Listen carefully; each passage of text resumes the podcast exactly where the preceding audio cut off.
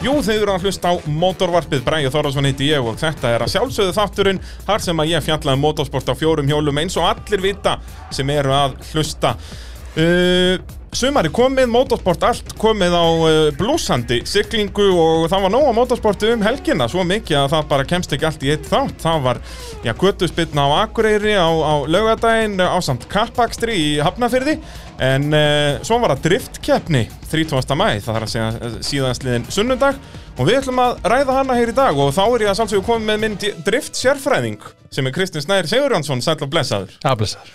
Þú náttúrulega ert búin að vera já það er langt síðan þú keftir síðast Já, allir sem ekki komin einhver fimm ár síðan síðast held ég. Já, en þá hefur nýtt tíman vel og verið bara hinum meginn við borðið eins og maður segir Já, þetta hefur eiginlega verið þannig sko, bara frá því ég byrjaði í sportinu að ef ég hef ekki verið að keppa þá hefur verið bara í keppnishaldinu. þannig Já, að akkurat Svolítið svoleiðis. Já. og hefur verið í, á bara öllum stöðum frá því að vera bara í vest út að brauta eitthvað eða dómari eða í eh, gæslunni eða hvað, hvað það heitir eða keppnistjóri ég hugsi ef ég sint öllum stöðum, Já, ég held að. Þannig að þú veist nákvæmlega hvernig það virkar Já, svona nokkurn veginn. Það er svona nokkurn veginn og þá er uh, príðið sökulegt að fá því hérna í Nóa Sirius Studio podcastafarinnar en mótavarpið að sjálfsögðu búið Onlýs bílapuntsins AB varahluta bíljöfurs og tækjaflutninga Norðurlands uh, Mér langar að byrja á að renna létt bara yfir úslitin í þessum uh, keppnum sem við ætlum ekki að fjallum í þessum þætti bara svona til að vera pólitískur og koma þess að framfæri en það sést göttuspilna, þeir voru náttúrulega að opna brautin núna í fyrsta skipti ekki í fyrsta skipti fyrir norðan það var svona vikslun brautar eða hvað er kölluð þetta og, og, og göttuspilna á, á brautinni, brautin náttúrulega voru gullfalleg hjá þeim hann fyrir norðan og í bílaflokkunum var það í 6 cylindraflokki Tómas Karl Benediktsson sem stóð uppi sem sigurvegari, í 8 cylindraflokki var það Garðar Sigurðsson, í 8 cylindra plus flokki var það Kristján Skjóldal og uh, bílar Heavy Street var það sömuleiðis Kristján Skjóldal sem stóð uppi sem sigurvegari og í allt flokki hjála Birgir Þór Kristinsson og í allt flokki bíla en ekki hver Kristján Skjóldal spytnu sérfræðingurinn sjálfur Hann hefur bara tekið allt saman. hann já, bara ef það er haldin spytnukeppni fyrir norðan að þá bara tekur hann allt gullið Hann er ótrúlegur. þetta er ekki flókið mál og svo var það sjálfsögur kappakstur líka fyrst að við fyrir í, í kappakstri í, í sumar og það er komin flokkaskipting eitthvað annað en við sáum í fyrra en, en eh, eitthvað sem er ekki annað en við sáum í fyrra þá var það Jóhann Egilson sem vann í formúlu 1000 sem er þessi einslítasflokkur sem er, og núna er mér þess að komni tveir einslítasflokkar út að þeir eru allir svo svakalega breyttir þessi formúlu 1000 bílar að, að eh, Já, þeir þurft að gera standard þúsundflokk líka en þar mætti bara rallycrossarinn Emil Þór Reynesson til leiks og uh, var að sjálfsögði í fyrsta sendi og ég held að hafi kert þetta saman, er það ekki? Jú, þetta er svona lemans feelingur sko. Ég segi það, það Allir eru saman. bara allir saman og, og þá bara fara bestu bílarnir fyrst og, og svo framvegis Já, já. en uh, það var hörkuslagur hann í formúlu 1000 flokknum út að þeir voru, í rauninni, þetta er alltaf tvær lotur yfir daginn og Tómas Jóhannesson vann hinna lotuna, þannig að þeir eru núna bara eitt steg á milli hans og Jóhanns í Íslandsmótunar sem Jóhann er á undan og það var bara út að hraðasta ring Jóhann náði hraðasta ring held ég í báðum lotum en, en ekki Tómas eða einn og einn eða eitthvað svoleiðis og svo eru líka steg fyrir tímatökutímana og svona þannig að þetta er, þetta er allt nýfjamt þannig í Formule 1000 svo er líka komin þessi Hot Wheels turboflokkur eins og þau kjósa að kalla þar var Daniel Hinrichs sem að stóð upp sem öfveri voru þrýr bílar í þeim flokki Ég held að það getur orðið geggja sko þegar að mætingi þannflokk fer að aukast út að þannig eru, þú veist, þetta eru tvekja litra eindrifsbílar bara vel tjúnaðir, gaman að horfa á þetta þannig að uh, það verður líf og fjör þegar Mhm. Já, það er komin þetta er- alveg mætingi í þetta Þetta er allavega, allavega spennandi flokkur og, og hérna, góð byrjun að sjá hérna Guðuna og, og, og þá að að ætla að fara að mæti þetta og, heldur betur, þannig, að, þannig að þetta er bara, þetta er bara hérna, jákvætt lofa góðu kappakstur náttúrulega er bara grunn motorsportið Það er rauninni það, var, það var fyrst sem var kefti á bílum það var kappakstur, Það er Grand Prix, það, það er Grand Prix sko, þannig að hérna, þannig að þetta er grunnurinn þetta er grunnurinn en við ætlum í driftið sem er meira svona listans á bílum Já, þetta er svona í rauninni aðeins öðruvísi mótorport en allt annað Ég held að sé eiginlega ekkit, ekkit svipað Nei, í rauninni ekki út að þetta er ekki þetta er eitt af mjög fáum motorsportum þar sem voru ekki að keppa á klukku til dæmis Já, ég held að þetta sé bara eina Já, svona, Torfæra, já, já, torfæra kannski en það, er- torfæra er náttúrulega mjög uník líka sko, en, já, en, hérna, já, en ein, ein tíma brautan Já, nákvæmlega, það er alltaf tíma element já, já, þannig að það er rétt, þannig eru bara dómarar að gefa stílstig og svo framvegis, kannski við byrjum að fara bara eins yfir hvað dómararnir eru að dæma fyrir Út að Já. það er kannski ekki endilega allir sem vita það Nei, þetta er, henni, þetta er, svona, það er svona þrjú aðalatriði sem að dómararnir í driftinu er að, er að leita eftir og það er hérna náttúrulega gráðan bara hversu mikið bílinn er að slæta já, já, hversu, hversu mikið bílinn er á hlið og, og svo er náttúrulega línudómurinn að það er náttúrulega bara eh, brautin er sett upp með keilum og menn eiga að- að setja bílana alveg eins nálaft keilum að hægt er og, og það, línan er, er fyrir það og svo er stíl, stíl, stíl, stíldómur já, og það er rauninni bara hvernig flæðið er og skiptingarnar, hvernig hún fer frá hægri, hægri til vinstri og, og allt þar til göttunum akkurant og hraðinn, hann, náttúrulega, hann er reiknaður þar inni líka og, og fleira sko þannig að, Já, það er rauninni hraðið tekin inn í þessi stíl stig. já, já, akkurat sko þannig að hérna, Og hitt er í rauninni bara þarna, já, línan er bara hversu nálagt þú ert þessum keilum og það er keilur bæði inn í og út úr beigjum. Bara Já, akkurat. mismunandi eftir hvernig brautin er sett upp. já, þetta er kallað á einsku hérna, tail clip og, og front clip Akkurat, akkurat. það er að, sérst, annarkot að fara með framöndan nálægt eða, eða afturöndan Og það er náttúrulega eins og þegar maður er að horfa á formúludrift og svona, þá er náttúrulega alltaf bara svona tölvuskinjarar, allavega á einhvernum hliðum, er það ekki, er það á öllum? uh, ekki öllum en, Nei. en, en, en það er svona mjög oft flestum. svona fyrsta hlið sem mann, þú veist, að þeir eru komin upp í fjórðagýr og rífi handbremsu og sjá, herðu, já, hann er einu millimetr frá vegnum Akkurat. bara geggja dæmi þetta er ótrúlega dadrið sko. já, bara, algjörbilun sko. og drift náttúrulega líka sem sagt, fyrir þá sem ekki vita, þetta er aldrei ringur þetta er alltaf partur úr braut já, það er, það er þannig bara allstaðar í, í heiminum já, sko. í þess að keppnum náttúrulega, síðan á æfingum að þá kerum við bara í ringi og, Já, akkurat. en, en hérna, keppnur er alltaf sett upp sem svona braut, eh, eh, sem, sagt, já, sem leið en ekki braut Já, já. ef maður ætti að orða það einhvern veginn svoleiðis ég hugsa líka að ef maður þetta sko, bera driftið saman við ykkur aðra íþrótt þá hugsa ég að sko, hestamennska sé svona, já, svona sem kemst næst í eins svona vandræðalegt að vera að segja það hér í motorsporti en, Já. en, en það er kannski ekkert alltaf besta vináttan á milli þessara sporta Nei, svona ekki þannig, þetta fer ekki alveg vel saman sko, Nei, en- einhvern en veginn ekki, sko, þetta Ekki er þessi bara- tvö sport sko, en, en þetta er mjög góða punktur einmitt En það er þetta sko, að þar er mitt sko þart að vera með svona sérhæða dómara sem að lesa hestinn og allt þetta Já. að þetta er í rauninni bara mjög svipa sko að, að dómarandi þurfa bara að lesa svona svolítið svona Hvern- tækniatri Já, Þetta er akkurat, sko. mjög mikil einmitt bara svona tækni og hæfni og Já, og þetta er í rauninni getur ekki alveg hver sem er gert sko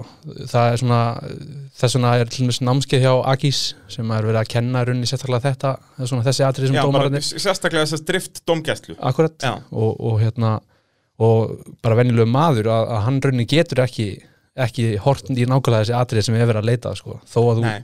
þó að þú þó að þú sjáir það saman og hinnir að þá er ekki endilega víst að þú sért að lesa það rétt sko. Akkurat, akkurat og m- mér finnst samt einmitt magnað að, að þegar maður mætir að driftkeppni að þá s- sér maður samt alltaf maður er yfirleitt alveg sammála dómurunum þú veist maður sér, heyrðu þessir voru eiginlega bara nákvæmlega jafn góðir og þá er það yfirleitt þannig að þurfa að fara annar rönn eða eitthvað svo leiðis já, já, svona í flestum tilfellum sko, já, þá, en auðvitað er það er alltaf gott að deila við dómar já, það er svona það er allt gott í hófi sko. alltaf gott í hófi, sko, já. bara svona þegar menn er að gera það sín á milli, sko Akkurat. en hérna ekki, en það er náttúrulega líka þetta er kannski líka eitt svona stærsta vandamáli við driftið er að það er ekki hægt að dæma þetta neitt, neitt, neitt öðruvísi heldur en með dómurum Nei, þú veist, jú, jú, þú getur verið með speed trap og getur verið með einhverja fjarlæða skinjara og eitthvað svona en Akkurat. eins og þessi stílstig sem er nú stór partur af þessu það þú þarft alltaf mannesku í það já, já, þetta er allt svona, allt svona mennskur faktor sko. já, akkurat Þannig að- en, þannig að í rauninni öll úslit í, í keppni eru byggð á, á þessum dómum frá já, dómurunum sko. akkurat, akkurat, eins og, eins og segir bara hesta íþróttir eða, eða hvað það heitir sko. það er svona sambarlegt sko.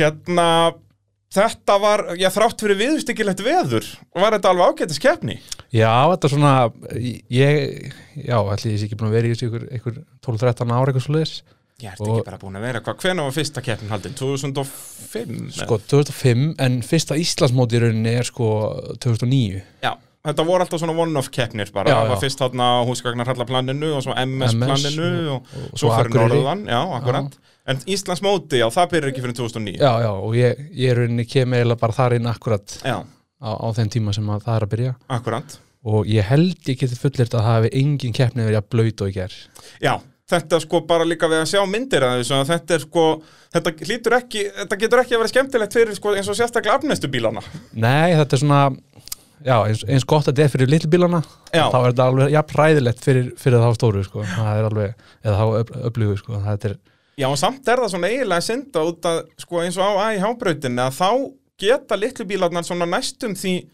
alveg tekið beigjurnar rétt í rauninni, þurfa ekki verið að setja bíluna upp aftur í löngum beigjum og svona þó þið séu nú alltaf að gera þetta erfiðar og erfiðar fyrir það með því að lengja beigjurnar á, já, eins og þetta á að vera í driftinu en þá sko það hefði verið miklu betra eins og ef þessi keppni hefði verið á KK-brautin og þar eins og fyrir litlu bílana þar í grennindrygningu þá gætu þeir axil í tekið eins og löngu beiguna efst í brautinu þar í heilu drifti allan tíman sko aðeins að setja bílinn upp tvísvar ja, algjörlega það er, hún, hún er náttúrulega vel breið súbraut og, Já. og hent, myndi henda mjög vel í fyrir litlu bíluna í rigningu alveg mun betur A- en AH brautin sko en, en hérna En voru þetta ekki líka bara stóru bílarnir núna? Voru þetta ekki, við vorum að tala um þetta áður en við fórum í loftið, voru þetta ekki bara í fjórðagýr og tvögusum snúningum og samt í spólet og allt? Jú, jú, það, það skipti ekki máli hvað gýr menn voru og Nei. það var bara Þetta Ekki- spólaði alltaf. já, þetta er, þetta er svona jaðra við að vera hættulegt sko það, Já, en það voru líka bara, það voru bara pollar líka, sko, og það er náttúrulega ekki, ekki sniðust. Nei, það er mitt fyndið að kemur inn þetta með pollana að, að hérna uh, við urðum að, að breyta brautinni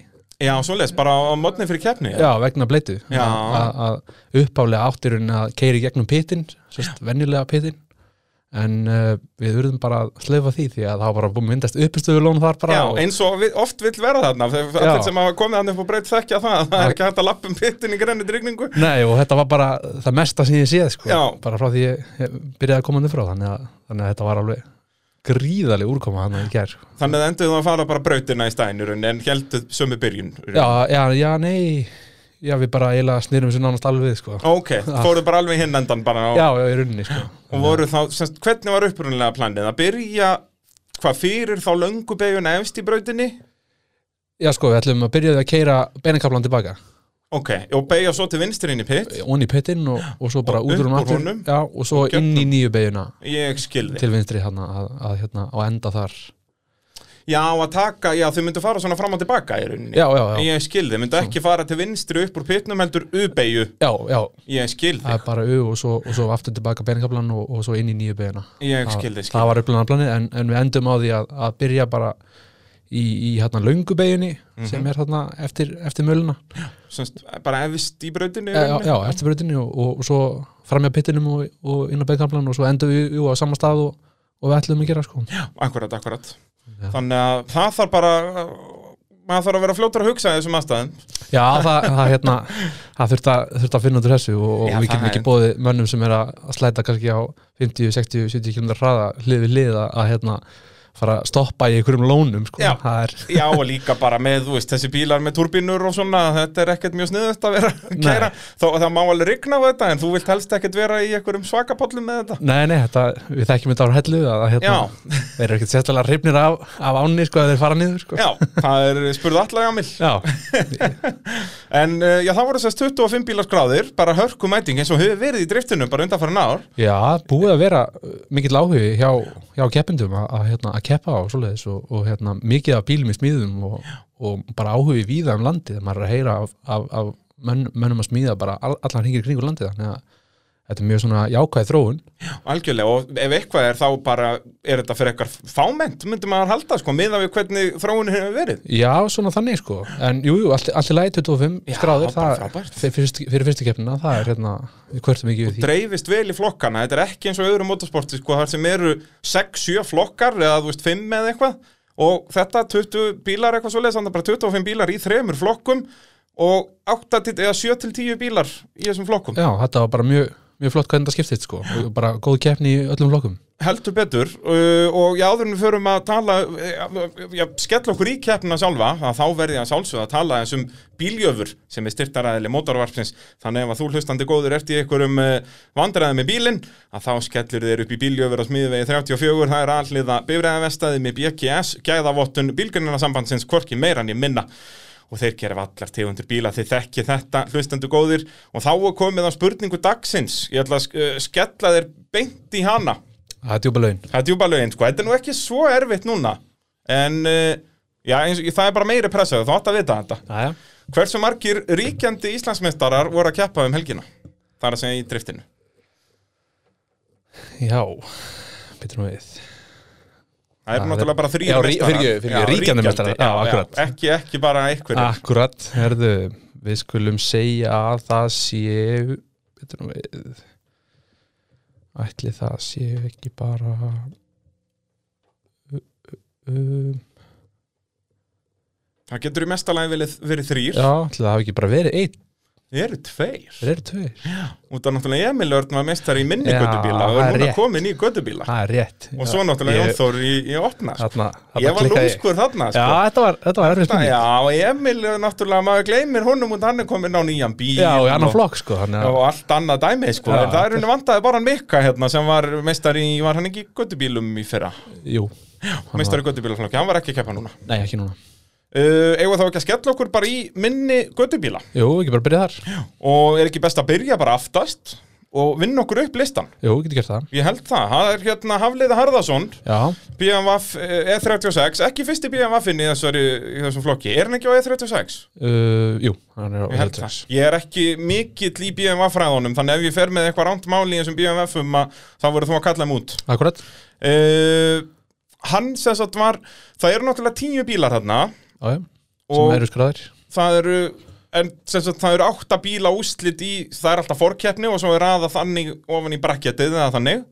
Þarna vorum við með tíu, þannig að það hefði þurft að halda svona aðra forkeppnaðar sem að fjóri lögustu myndu berjast um tvö sæti, ekki satt? Jú, það er, sérst, það er svoleiðis að hérna, ef, að, ef að, sérst, það er ekki 8 eða 16 eða 32 og þá, ef við tökum dæmið með 10 að, að þá er sérst, fjóri neðstu í, út úr fórkefninni að þeir þurfa að berjast um það að komast í 8 mann úrslitin Akkurat, akkurat. Uh, en við í rauninni þurftum þess ekki núna, eða það ekki, út að þeir voru tveir þarna, bæði Hafliði Harðansson og Hafsteinn Þorberg Þorvaldsson sem voru í basli með bílinn, eða ekki? Jú, það er rauninni þannig að þeir, þeir klára kvóri í fórkefnina Já. þannig að þeir rauninni komast ekki inn í þetta í þessa útstátakefni og, og þar að leiðandi uh, urðu bara akkurat slett átta í, í flóknum Og veistu eitthvað hvað var að rjáða þarna, eða var þetta bara eitthvað bílanir? Já, þetta var báði bílar, bílaðir annar sleit vifturum og eitthvað fleira og, og, og hinn braut öxul Já. Þannig að haft Braut öksul í, í bleitunni þá, já, Já, já þetta- einbeittu brótavillin þar, sko. Sko, sumir segja uh, að það eigi ekki verið hægt að brjóta öxul í bleitunni en, en, Já.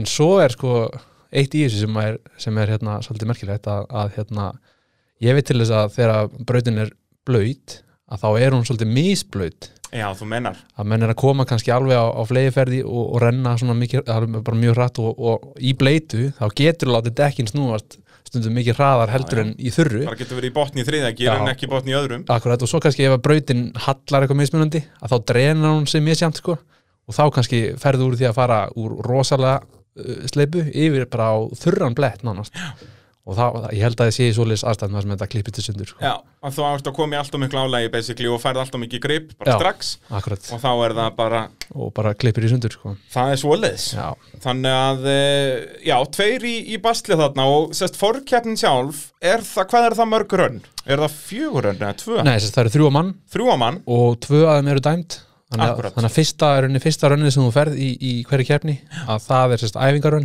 Akkúrat. og, og, og setni tvö eru svo dæmt af dómurum Já, og t- til að raða upp í, upp í útsláta keppna, þá er það sem nær besta árangri keppir á mótið þeim sem náður lagasta. Já, Uh, þá bara í áttunda sætið, uh, sá sem náði svo satt, já, var, var lagastur þeirra sem byrjaði í útsláta keppni, Dominik Lesiak á BMWF E30.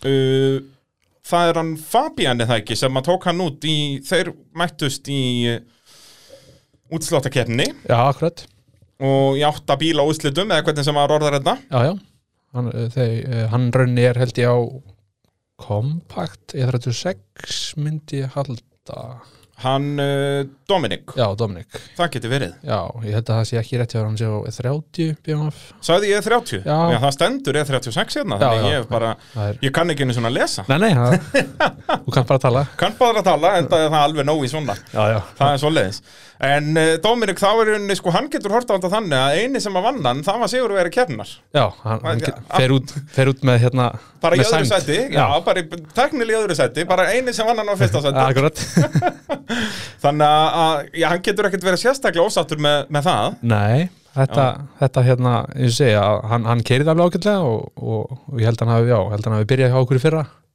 og hann hefur, Keft, Hann keft ekkit í fyrra eða það, var hann ekki bara á æfingum ég man nú ekki alveg hvort hann hafi keft en hann allavega var á æfingum og, Já. og hérna var allavega að byrja að keira hjá okkur þannig að, en, Algjörlega, og er bara að, að feta sín fyrstu spór í þessu já, og, og gengur ágætlega þannig að þetta Algjörlega er bara flott hjá hann Uh, Og hvernig var, sest, þetta er það er nú hægt að kalla þetta svona nýlega flokkin, minni göttibílaflokkin Já, hann er svona hugsaður sem það Já, og það er, þú mátt ekki keppa aftur ef þú ert búin að vera meistari og ert bara, mátt bara keppa ákveðið margar keppnur og svo framvegis. Já, og, og líka þannig að ef þú hefur keft keppni í hinum flokkunum að þá máttu heldur ekki taka þátt í Já, honum. svoleiðis, Það þetta er svoleiðis. alveg bara, já, þetta Já. er bara pjúra nýlega Já, flokkur. þetta er í rauninni það, þó hann heitið ekki Nei, nei, en, en í rauninni, það er Aha. tilgangurinn að sér þetta. Akkurat Hvernig fa- fannst þér ökumenn svona almennt vera að standa sig þarna? Var þetta alveg, voru þeir öll alveg hérna eins og bellur á svelli eða var þetta, leit þetta vel út? Sko, svona heilt yfir, þá fannst mér uh, bara allir aukumann standa sig bara ágætlega meðan við aðstæður já, miðvæðastæður og, og fyrstu keppni og allt þetta svona, menn hafa kannski ekki allir keirt mikið á þessu ári að menn eru nýbúin að klára að smíða og, og gera og breyta og, og bæta Já, þeir eru þetta ekki bara búið að vera, það er nú alveg búið að vera nokkrar æfingar en ekki, eru það ekki bara búið að vera tvær eða, já, svona þrjár fjórar að búið að ná þreim fjórum það Já. var náttúrulega fyrst, það var hann alveg í byrjun mæ bara bara var það ekki þegar að fyrsta keppni átt að vera haldin þá var Jú, haldin að, æfing. við náðum að halda eina keppni fyrir, sest, fyrir þá helgi þannig að þetta var hann í loka april sem að fyrsta æfingi var Akkúrat.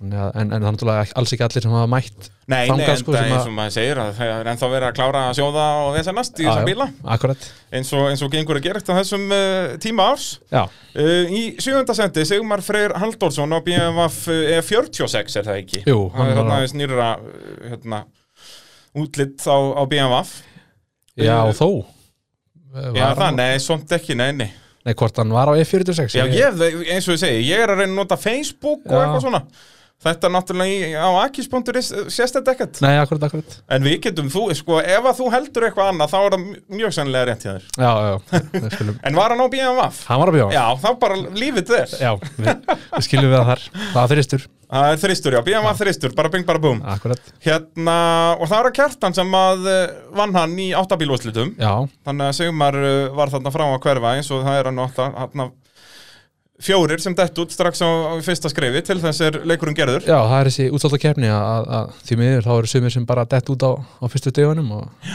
einhver, einhver þarf að tapa já, Akkurat, hvernig eru svo raðað í þessi sæti? Er það sérst, eftir þar árangri þeirra sem að taka þau út? Eða, er, Mm. eða fá þau öll jafnmörg stig eða hvernig er þetta? já þá, þá er raunin þannig að, að sem sagt 5. og 7. sæti og 7. og 8. sæti þau eru rauninni þetta er rauninni sem sagt uh, árangur í forkeppni gefur sem stig ge- gefur stígin, Já. akkurat þannig að og, svo, og svo, stundum og er svo það líka jafnmörg stig og árangur stundum í ekki já, já, akkurat þannig að það er raðasturinn í, í, í 5. til 8. eftir árangur í fórkefni sko. Ég skildi, ég skildi uh, Sjötta sætið, Telma Rut Hafþórsdóttir já, þetta er svolítið merkileg Já, það er ekki oft sem maður endar nafna dóttir í drifti Nei, sem er þetta náttúrulega er, synd og skömm því að það eiga að vera miklu fyrir stelpur í þessu það er svo sjaldan að það hefur aldrei gerst aður Er það ekki nefnilega þannig? Þetta Ég er fór að bara það. reyna að leita ég var bara, sérst, Aki síðunni bara var í gegn, fór í gegnum við Íslandsmótin og ég fann ekkert hvern mannsnafn nei, þetta er alveg þannig að, að þetta er fyrsta keppnin það sem að er kvenkins aukuþór að keppa og, og í sjötta sætið af tíu bílum já, hvort hún hafi ekki verið bara í 5. ég, Já, fynda til sjötta, já, akkurat Já, Mm. já. A, að, hérna, já 5. til 7. akkurat já. já, þetta er bara vel gert hjá henni og, og hérna, og hún náði hérna mjög, mjög flottur önni hérna í, í undakefni, í fórkefni og, og ég ætla bara hrósinni mjög fyrir að að mæta og þóra og, og keira og, og svo ganga bara ágætlega Nákvæmlega, á uh, dýrindist Lexus já, það er Lexus ekki BMF Nei, það Var er hún ekki bara einum það í þessum flokki hann er ekki á BMF? Nei, hann var nú einn var ekki neðan Ford þarna líka Jú, það var náttúrulega einn ein reyndsér, Ford reyndsér Já, já, bara eins og gengur að já, gerist já, en restin var held ég BMF Já, held það uh, Gunnar Yngvi Rúnason Hann var mættur á BMF, er það ekki? Jú, hann var á svona E E46 Já, BMF. akkurat, akkurat Það er fyrsta keppni honum Já, er það ekki? Hann Jú. hefur nú þó, hann hefur verið að- í kringum bíla alveg bara heilengi Já, hann er búin að vera lengi í bílasportinu og Já, og búin að keppa í alls konar götuspinnum og alls konar Já, aðalega held ég mitt byrnum sko þannig að, þannig að hérna Og er hann ekki bara komin til að vera þarna? ég ætli, ætli það ekki Ég, það er, gengur ekkert að byrja á þess að ætla að vera Nei, nei, en það líka, ég hugsa að hann viti það alveg að, að, hérna, að það kannski að keppi bleitu í fyrstu keppni það kannski segir ekki alla söguna sko þannig Nei, að, og ég held að það er sér nefnilega margir og þetta er náttúrulega mikið nýliða í þessum flokki eins og gengur að gerist með hennan flokk að Já, já. ég held að það séu bara þarna ég held að það séu tveir keppendur sem að keftu eitthvað í fyrra Já, í, í þessum flokki, já, Já, það getur passað en náttúrulega mjög margir búin að vera mætt á æfingar Já, já, og hérna Gunnar hérna í sjötta til fymta með uh, Telmu já, já, flott uh, uh, Sindri Már sem að vann hann þarna í áttabíla úslitum Já, það passar og þá erum við komin í top fjóra Já, það er topp fyrir Það eru topp fjórar og þá erum við að byrja að tala um uh, já, þá sem að unnu sín, sín rönn í, í uh, áttabílóðslutum og þetta er alltaf tvö rönn, er það ekki? Jú, sérst þegar að komið í útlátakefna þá raun eru, eru sérst tvö raun og, og hérna, Og þriðja ef þess þarf Já. Ef að Það- dómararnir geta ekki gert upp á milli Ah. akkurat það er, það er svo leys Uh, og uh, áður en við förum að tala um topp fjóra þá langar með að tala um tækjaflutninga Norðurlands því að uh, ef að þú hlustandi góðu þarft að uh, flytja eitthvað milli landsluta alveg sama hvers konar tæki það er og hversu stórt það er að þá geta tækjaflutninga Norðurlands græja það uh, og flytja liftara og bíla og báta og vinnuvjallar og, og hvað eina og er að keira út um allt land þannig að um að gera ef þú ert í ykkur basli að- með, með, með flutninga hafa samband við tækjaflutninga Norðurlands uh, og þá náttúrulega sko í, í, í samband við tækjaflutninga Norðurlands hef ég oft haft þetta sko kannski skemmtilegustu braut eða sérleið eða eitthvað svoleiðis í drifti og ef við tölum meina driftkeppni er eitthvað svona ákveði rönn sem að var svona eftirminnilegt hjá ykkurum bara svona eitt ákveði rönn já, bara í kefni Já. já, eitthvað svona sem að er ofalega í huga já, það er náttúrulega opnflokkurinn er alltaf, alltaf krassandi sko, þannig Já, að- það er tveir bílar í braut og allt að gerast já, það er rauninni þannig að, að, að Jón Þór og, og, og Valgir Hugi að, að þeir eru hann að keppa ofalega og, og Já, var það ekki bara úrslita hvort það var ekki byrja úrslitum og, Ég held það og þá endar það þannig að, að þeir fari gegnum endalið og, og að hvort að Jón Þór var ekki bara á undan og snýr eða eitthvað líka Í gegnum endaliðið það já, já, eða rétt eftir annarkvort Já. sem enda með því að, að, að Valgir fer hann inn í liðina á honum og, og keiri hann út af þannig að Já, það var ekkert annað, bara, Já, það var bara aksjón, þokkalegt tjón sko það er svoleiðis já, já. já, já, já, En það ég er myndi halda að það hafi staðið upp úr svona Já, það er eftirminnilegast já ég myndi, myndi segja það Akkurat, akkurat. Uh, í fjórðasætti í þessum minni göttubílaflokki var uh, Húbert uh, Dorosinski á BMF, hann er á E30 eða ekki, það er höngri í bílinn. Já, það er Hungry, 30, hann er hann er rauður og, og, og þeir, Húbert og Fabian sem að vann keppna, þeir eru bræður sko. Já, mér, ég, leiði mér að giska á það, frekar en feðgar allavega. Já, þeir, Og þeir það eru bræður hérna og, og þeir einmitt lenda síðan saman sko, hann vinnur hérna telmu í áttabílóðslutum og svo fara þeir bræðurnir saman er það ekki í undanúslit uh, Nei, sko, er, já, nei það er það ekki svoleiðis? Það er runni þannig að, að, að þeirra Húbert uh, uh, Já, fyrir ekki, jú, í undrunnslit Já, í undanúslitum, þess að hann byrjar á að vinna telmu Já, akkurat svo kemst hann áfram í sérst fjögra bílóðslit eða Akkúrat. undanúslit eða hvað maður kallar þetta Já, og, og, og, og gaman að segja frá því að, að Fabian er litli bróðurinn, sko þannig að Já, hann, það er já, svoleiðis þannig að hann tekur stóra bróður út sko, Oh. Þannig að þetta Og það er annað sem, sem við langar að koma inn á varandi þessa bræður að, að hérna og gerir runni þennan sigur hjá Fabian svona áhugaverðari Já. það er það að hann fekk bílpróf á föstudaginn Það er ekkert annað Það- það bara er staðan. 17 ára guttinn Já, fórum við bílprófið tvo dag og, og vinnum kérni það er, og vinnur eldri bróðu sinni til að gera þetta ennþá já, sætara, en sko. þá setjar það sko þannig Það að er geggjað þetta er, þetta er svona með því svalara sem ég veit um í þessu sporti Ég held það, að vera þarna með ennþá bara sko, blekið á bílprófunu var ennþá heitt bara, Akkurat. og kemur og vinni, já það er framtíðin í björti driftinu, það er átt að segja það þetta, þetta er svona kom skemmtilega óvart heldur betur maður, vel kert hjá, hjá Fabian hann uh, í þriðasæti uh, fyrstur uh, sérst, með neðsta stíið á velunapalli, Kjartan Tryggvason á uh, Eðalford Pickup Já, það er norðamæður kem, Já. kemur frá Akureyri og, og þetta ég elska líka eitthvað svona öðurvísi allt öðurvísi í motorsporti er dásamlega já, þetta er, þetta er snild að sjá þetta Þetta og, er geggjað. og kom alveg skemmtilega óvart að, að hann er búin að vera að breyta þessum bílunum mikið og, og hérna, þá aðalega svona í stýri og, og fjöðrun og, og þess að þar hann hefur keft á þessum bíl áður í gennum tíðina já, og, en ekki, ég man aðalega eftir hún bara á bílandum Já, hann hefur verið að bíladöfum að- að að keppa sko, en, en, en svona alltaf, alltaf vantar svona herslu munin á bílinn og, Ég enda náttúrulega, þetta er náttúrulega þú þarft að breyta þess aðeins meira heldur en bara ég 30 bílinu þínum sko Já, já, akkurat, þetta er svona ekki alveg svona það Þetta er sem við ekki myndum velja alveg fyrst annað sko. í þetta. ekki, ekki í þetta en, en, Nei. en, en núna greinilega er hann farin að virka mun betur í þetta og, og, og, og hérna, greinilega komið með gott vald á bílnum þannig að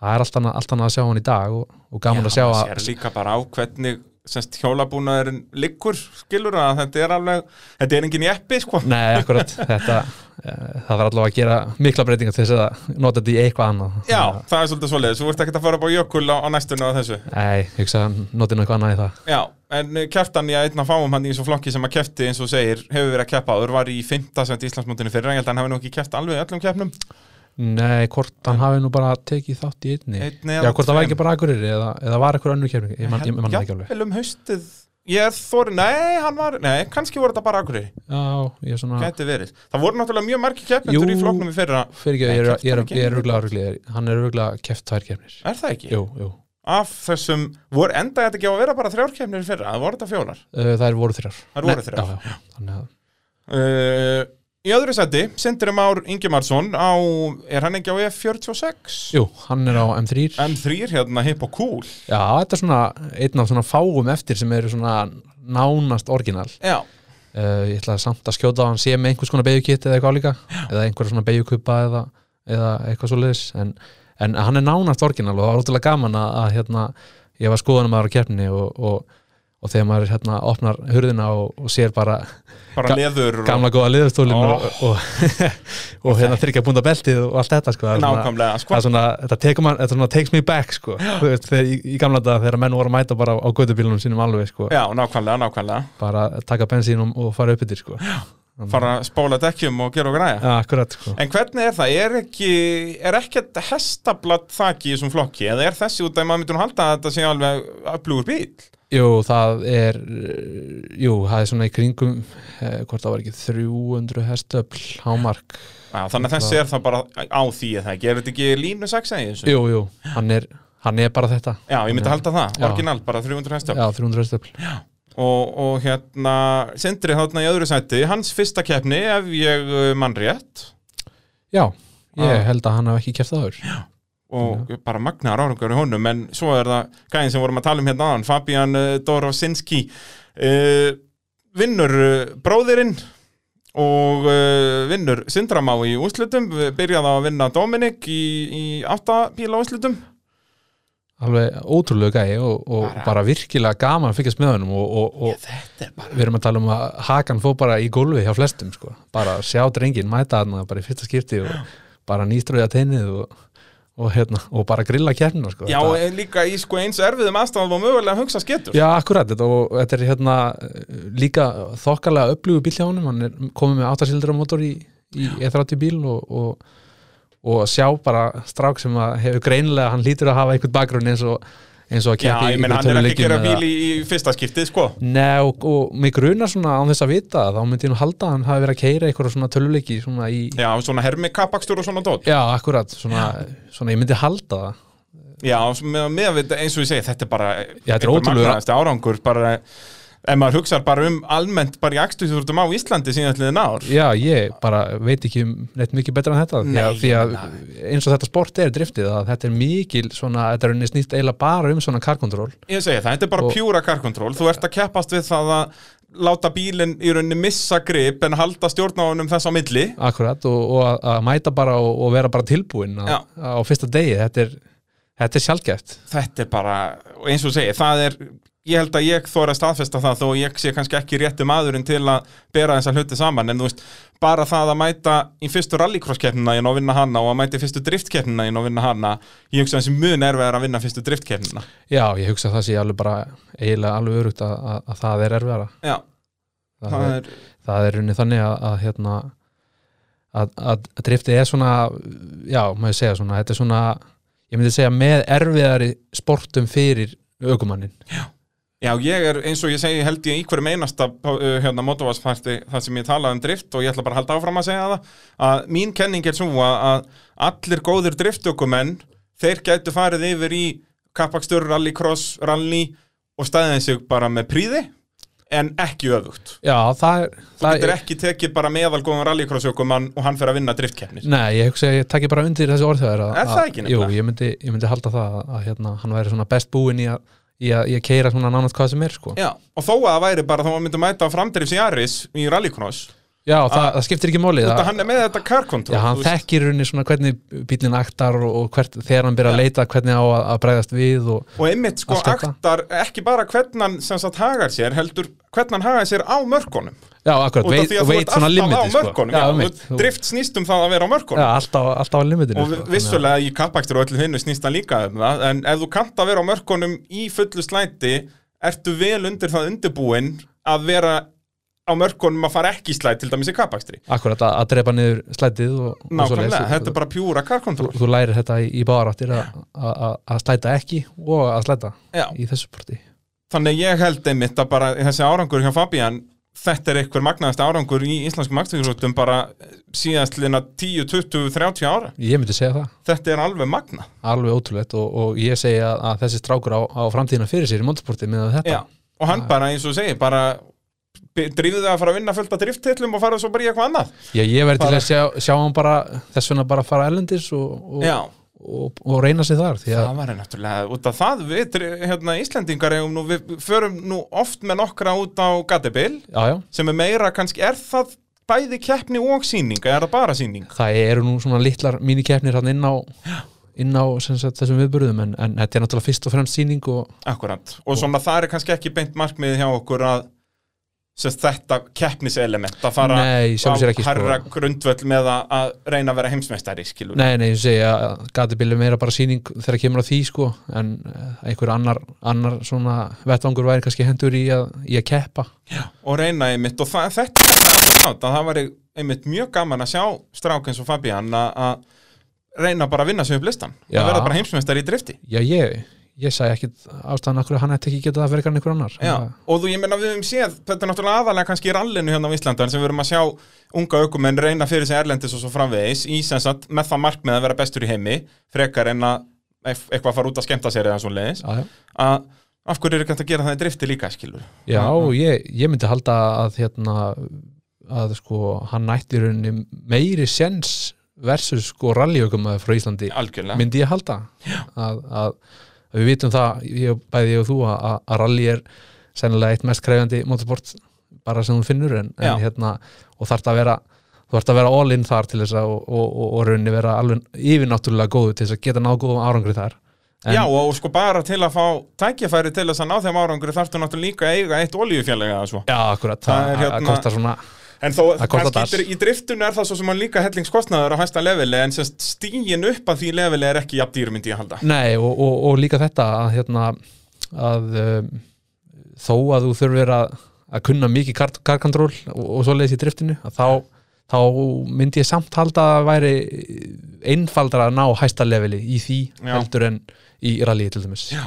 út af eins og þú segir, sko, driftið eins og við sáum bara með Fabian núna, hann er greinilega bara núna strax komið með þetta karkontról bara svo gott sem upp í 100% segjum að hann sé komin í 85-90% Já, segja það og það er í rauninni, það er eiginlega eina elementi þá kemur fullt af svona tryggsum og reynslum inn í þetta en ekki nálægt eins og til dæmis í rannlægstri Nei, nei, það er eins og segja að, að ég myndi segja að, hérna, að rallyið sé svona já, allir þessi ekki erfiðasta motorsportið í heiminum varðandi þetta að, að, hérna, og það er svo marga hluti sko. Já, það er svo langt á toppin sko.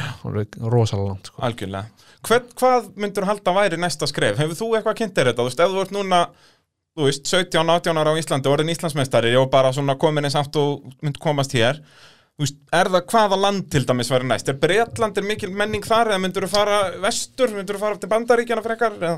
sko, þetta er í rauninni bara svolítið misjant uh, hvað, hvað mönnum finnst vera stórt og lítið og, Já. og annað að, Þetta er náttúrulega glóbal, þú veist, Norðurlöndin til dæmis er mjög sterk í þessu. já, ég myndi segja að svona næsta skref frá Íslandi væri kannski BDC E sem er sérst British Já. Drifting Championship og, og eða, eða jafnvel írska drifti það er líka svolítið stert en, en svo næsta skref þar fyrir ofan það myndi ég halda að væri svona King of Europe og, Já. eitthvað svoleiðis keppni sko.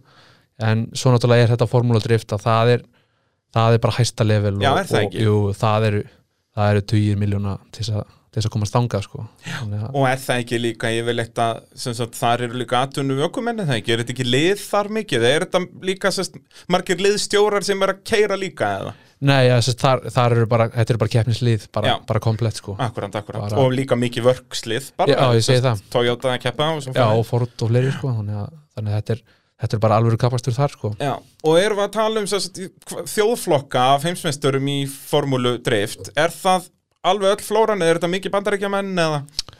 Já, það, já, þetta er bara eiginlega flóran sko. Já.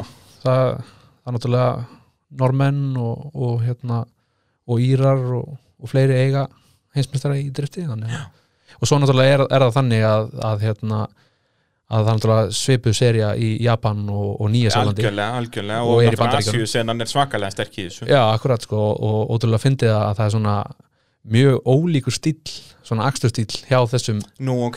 Já, maður heldur kannski að, að drift sé bara drift og, Já. og allt eins og eitthvað en, en þeir, þeir eru að keira allt öðru vísi í Asíu heldur en Ok. heldur í bandaríkjörum, þetta er daldið merkilegt svona þegar þú ert komin svona á hvern svona nördastað eins og ég sko, Já, að þá þá ertu að fara að sjá svona já, annan stíl sko Og hva, hvernig lýsir hann sér? Þú veist, eru þeir þá meira einhvern veginn svona teknilegra eða þannig? Eru þeir meira hamast á stýrinu í staðin fyrir Já. að það flæði meira? Já, ég eða? myndi segja að þeir séu svona með svona agressífari stíl sko, Já, þarna, í akkurat. Asíu sko Þetta er svona, Eru svona þeir liggja yfir stýrinu eða þannig að svona já og, og, og oft svona þeir eru meira með svona eins og reverse entry og, og þannig sko þeir, ég skil þeir þeir eru það sem þeir stundum fara bara inn í beigur bara aftur og bak sko Já. og, og svona, Samt á afturdur spílum eða ekki að þú veist, það hlýtur að vera helviti strempið já það er bara Maður hefur séð þetta skilur eins og Ken Block og svona fjórhólendri spíl að þá er Akkurat. þetta svona tiltöluðvelt Já, þetta er mjög erfitt á ætlum aftur í bíl sko, Já. þú ert að hafa alveg 110% bílinn á, á Já, þínu það valdi sko annars til þess ertu að ekki að fara að taka beigju heldur bara að snúa við í Nei, rauninni. akkurat sko, þetta er, þetta er svona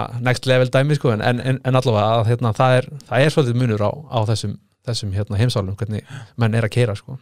En eins og er sem sagt, Japans og, og það er það alveg sér sen að eru þeir líka að koma síðan í formúludrift Þú veist, er formúludrift alveg glóbal? sko það er alveg, þetta er, þetta er alveg sikkur keppnin sko, Ok, ok. En, en byggt á svona sama, sama grunninum Já, en, En- það en- er sem sagt ekki eins og japanska mótið eða hvað þetta heitir eða sem sagt asíska að það er þá ásens sama level á formúludrift en það er svona ekkert það er ekkert svona beint heimsmeistaramótið eða þannig Jú, þetta er, þetta er, En þetta er, í þetta sjálfu er sér- bæði, já, svo þetta er, sem þetta er í rauninni svona sama keppnin í sjálfu sér sko. Já. það er í rauninni það sem formaldrift í bandaríkjunum hefur umfram hitt en náttúrulega bara auðlýsingamarkaðurinn er stærri og, og svona nær til, til fleiri að því að, að, því að hérna, er bara flestir skilatungumálið og já allt akkurat, þetta, ég er að segja sko. það, bara svona Þetta er aðgengi að upplýsingum með þælera og, Kúltúrin sem að við þekkjum sko já og líka bara bæði Evrópumenn og, og bandaríkjumenn þeir, þeir leita yfirleitt til bandaríkjan í svona afturrengu sko, þannig að þetta svona þetta liggur betur við, við höggi sko. Algjörlega, algjörlega. Þannig að það er líka gaman að ræða þessi mál hérna, hvernig á að- að komast á toppin í driftinu, fyrst við erum komið með já, 17 ára og 30 daga gamlan sigur við þara. já akkurat, það er gaman að- Hvernig er, er ekki, er ég kannski orðin svona gamall, er bílprófið ekki ennþá 17 ára? Eða Er, Jú, það er 17 ára. Það er ennþá 17 ára, Já, já. já. já. ég- Man að það voru ykkur umræður um að hækka þetta eitthvað, ég veit ekki neitt. Nei, það er allavega ekki komið í gegn ennþá Ekki komið í gegn ennþá. Nei. Uh, mótorvarpið að sjálfsögðu bóði bíla.sins grófinni sjö Reykjanesbæ ef að þú lendir ykkur vandræði með eh, bílinn ef ykkur er að klessa á þig eða þú að klessa á ykkur annan að uh, þá skottastu bara til hans valda okkar í bílapunktinum því hann er duglegur að styrkja motorsport og þessinni og við að vera duglega að eh, stunda okkar business hjá honum í bílapunktinum eða þeim í bílapunktinum réttar að setja þetta er nú hellerina fyrirtæki og vinna fyrir öll tryggingafjörlög uh, og að það er bílamálun, réttingar, framrúðiskipti og allar almennar bílaviðgerðir. Uh, þá er ég er alltaf með svona stærsta krassið og svoleiðis í kringum þetta en það kannski, uh, já við vorum nú að tala um krass áðan en hvað var svona stærsta tjónið? Var það bara þarna, þetta sem þú varst að tala um áðan sem var eftirminnasta rönnið? Já, ég myndur að segja það sko Já, að, Jóni að, Þór og... að Jón Þór hérna tjónar eða fær hérna tjóna á báðar hurðarnar hjá sér þannig að, Já, bara öll liðin hann alveg komplett. já, ég held, ég held reyndar að brettin hafi sloppið sko en, en, Já. en báðar hurðarnar ónindar og, og, og hérna húttið hjá, hjá hérna Já, Valgeir Valgeir. og framljós og fleira þannig, að- og frambretti og eitthvað þannig, að- þannig að þetta var nú alveg, alveg sæmilegt, sæmilegt tjón sko Já, svona miða við í íþrótt, sko, við sjáum ekkert mjög mikið af einhverjum svona árakstrum, vissulega í opnaflokkum er það stundum alveg að bretti snertast og svona, Já, já, en það er ekki mikið um eins og bara svona kröss, þú veist, þetta var alveg bara kröss. já þetta, þetta er svona með stærri svona samstöðum sem að hefur verið allavega hérna heima Þannig að þó að þetta sé nú kannski ekki svo mikið jú, jú, þetta er, þetta er ágætist tjón en, en ekki svo mikið að þá hérna, þá hefur verið nokkuð svona heppin, heppin með þetta að Já. hérna, það er ekki mikið að, að bílum að tjónast mikið sko.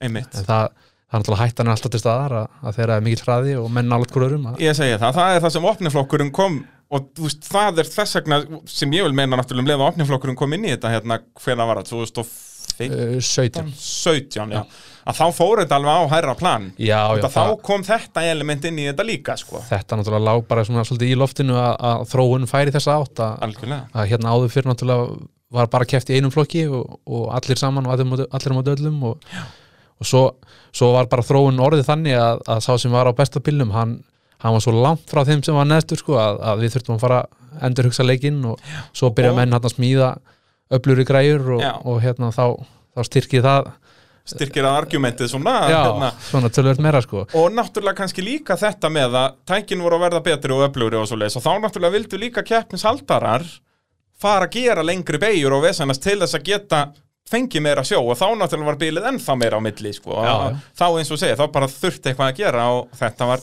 auðvitað að það skrifið Þetta vatt svolítið upp á sig á öllum svæðum í rauninni hjá AIH og KK og, og BA Já. að, að, hérna, það fór allir á fullt í að, í að hérna, gera búa- langar beigur Já, að búa til einhver svæði fyrir þessi tæki því að, Já. því að hérna, áhugin er mikill og, og, og mikill uppgangur ég man alltaf, var það ekki helst var það ekki fyrst á bíladöfum þarna einhver tíman, ég veit ekki 2012 eða eitthvað, eða jafnvel fyrr þegar þær fórum mitt að gera þessar svona ekstra löngu beigur og þá vorum við alveg komið fjögur, fimm hestafla græjur í þetta Jú, alltaf ekki kringu 2012 þegar þeir opnuðu hérna, svæðin sitt upp frá upp í Já, auðvitað, Hliðarfjalli. Ég já. held að það hafi verið kringu það og þá er mitt út af þá vorum við bara búin að vera rallycrossbreytinni allan tíman og það er við svolítið höfum við löngu beigur hann uppi, nú erum við komið með aðra Já. en, en þá einmitt fyrst sáum við bara fannar og þessa gæja að setja bara í fjórða og Já, akkurat, og Fannar og Ari Jarl og, og hérna, það bara þetta, þetta fór alveg á, á, á, á herra plan við það, sko þannig, algjörlega. að, þannig að eðlilega fóru hérna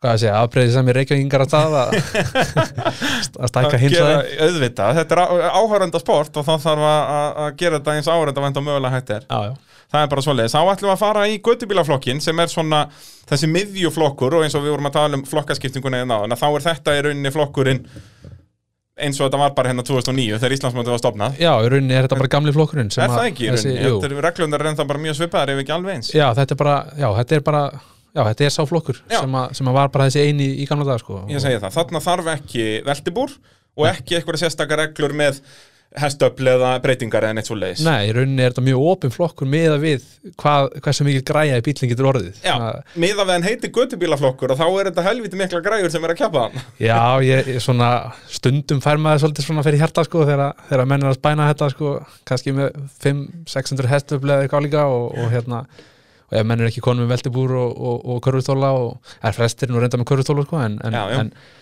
en eh, þegar við komum með þetta öfluga bíla að, að, að hérna, það þarf ekki að spyrja leikslökum ef að, ef að menn, menn fara út á rætt sko Já, með, þú veist, eins og á IH-brautinu, að það er, við sáum það nú bara var það ekki á æfingu, þá endaði eitt bara upp á hérna, steipuklubbi hátna Jú, það var nú bara hérna í síðustu viku Já. að, að, hérna, að þar var hérna að spóla hann reynda var með veltibúr og allan, allan búnað sem og, betur fer Já, já, Galla og Þetta var Hansbúna helgarinnar og högg þarna, allt sko. svo leiðis og, og, og þau, þau sleppa nokkuð vel þar út sko. en, en, en hérna eh, í fyrra þá, þá til dæmis lendu við í því að, að þar var eitt göttubíl sem, að, sem að fór harkalega út af og, og það er bara meira að segja ríkjandi íslensmestari í göttubílflokki sem að fór þar út af og, og hérna og hann er sem sagt ekki með hansbúnað og, og, og þetta og, og hann svona er ennþá freka verkjaður í, í hálsinum í dag eftir þetta krass sko. Já, Þannig er að- þetta ekki út úr sérst nýju löngu beigunni Jú, sérst, þetta við, gerist. við hérna í fyrra þá hérna lögum við nýja beigju hérna í, á æhásvæðinu og, og hérna. Sett fyrir þá bara sem hafa komið að upp á rallycrossbreyta þá er þetta sett, ráskablin á sett, já, ráskablin í rallycrossinu eða þar að Akkurat. þeir fara síðan ofan í malar djúpubeguna þá er þetta vinstri beigjan fyrir hana Já, já, fyrir fyrstu beigju í erleikursinu Akkurat. og fyrir hérna til vinstri og hún, þetta var alltaf svona ykkur hlikkur Já. og það var bara malbyggað alveg breið og löng beigja þarna sem að tengir í raun alveg ofan í S-beiguna Já, já, og, og, og hún, var, hún var hugsað svona, svona þríþætt í rauninni þessi beigja og hún hendaði náttúrulega mjög vel í drift að, að hérna, lengja í rauninni beinagablan og, og ofan í þessa skál hérna sem er þar fyrir neðan Svo líka var hún hugsuð sem uh, uh, jóker á einhverju tíðum púnti fyrir rallikursið sem nýr jóker, það, það gæti verið nefnilega áhugavert að, að hérna, taka eins og kannski í rednegnum eða bara í Eða Íslandsmóti jafnvel í Íslandsmóti, vorum að já. tala um þetta í síðasta þætti Já, hérna. það væri svolítið skemmtilegt að, hérna, að prófa Breyta þetta sem til, ykkur, við því að- höfum bara þessi einu braut Já, málið er nefnilega þetta að hérna, það, þeir sem hafa verið lengi í rallikursinu til þess að þeir, þeir vita alveg hvernig jókerinn virkar Já. sko, sem langur jóker ég segja það en ef það væri hægt að flækja eitthvað, eitthvað Græða stuttan, tíma. já, Já, eitthvað já. stuttan jókerinn í þetta sko. þetta geti sett a- a- öll plön úr, úr skorðum sko. Já, síðan sko, jafnvel í rednegnum, þá bara fara með þetta lengra og segja að þú verður að taka einn á kvoru. Já, ég, ég hef búin að hugsa það líka Það það, væri geti nefnilega verið sturlað, sko. mjög skemmtilegt að hafa tvo svona sem þú þarft að klára sko. Byrjar á að tapa fullt af tíma og svo Já. græður í tíma. Akkurat Þetta, er bara, og líka sko, út af þessi nýja beigja, það er raunni sko örugara að koma út úr henni heldur en út úr alvöru jókurnum. Já, Ég já. man að það var alltaf argumentið allavega eitthvað sem ég heyrði eitthvað tíman, að við vildum ekki hafa jókurinn þarna út að það er svo stór hættulegt að koma út á brautinu þarna. Ég er bara ekki, það er miklu hættulegur að það er mikið hraðar í kamla brautinu að koma út á hinum stann, Já, þar sem jókurinn er núna. Já, það undar líka að hafa menn nú eh, verið ansi, ansi heitir hvernig, hvernig eigi að koma hann út af og, Já. og, og, menn hafa nú lent saman og annað sko, þannig að hérna, þannig ég skal alveg taka undir það þetta, svona, þetta, þetta flæðir meikar svolítið betur meiri sko. sens, já, þú ert allir hraðasta lína er hérna hægra megin Já. og þú ert að þá koma út skera úr vinstra jógurtum, megin, já, sko. og þú ert bara að koma vel inn í djúpubegina eða hérna á S-begina já, akkurat sko. Þannig að þetta, við bara hvetjum að í hámenn til að hjólið þetta Já, Þú, þú, þetta- þek, þú þekkir þess að þetta í að háfólk Já, ég þekki fólk, þannig Já. að það getur verið hægt að aransið þessi eitthvað. Það er, við, við hjólum í verkið uh, vor, Við vorum ekkert byrjaðir, við höldum áfram að tala um svo mikla tómaþvælu Vorum við búin að tala um uh, Guðlaug Birki Jóhansson? Nei, Nei, það var næst. hann er bara í áttunda og, og síðasta sæti í, í göttubílafloknum Já, Tapar fyrir honum Ingólfið þarna í áttabíla úrslitum já, uh, Og hann kefti nú eina keppni 2020, samkvæmt mínum gögnum já, það passar. Og er hann ennþá á þessum uh, fagur gula BMF?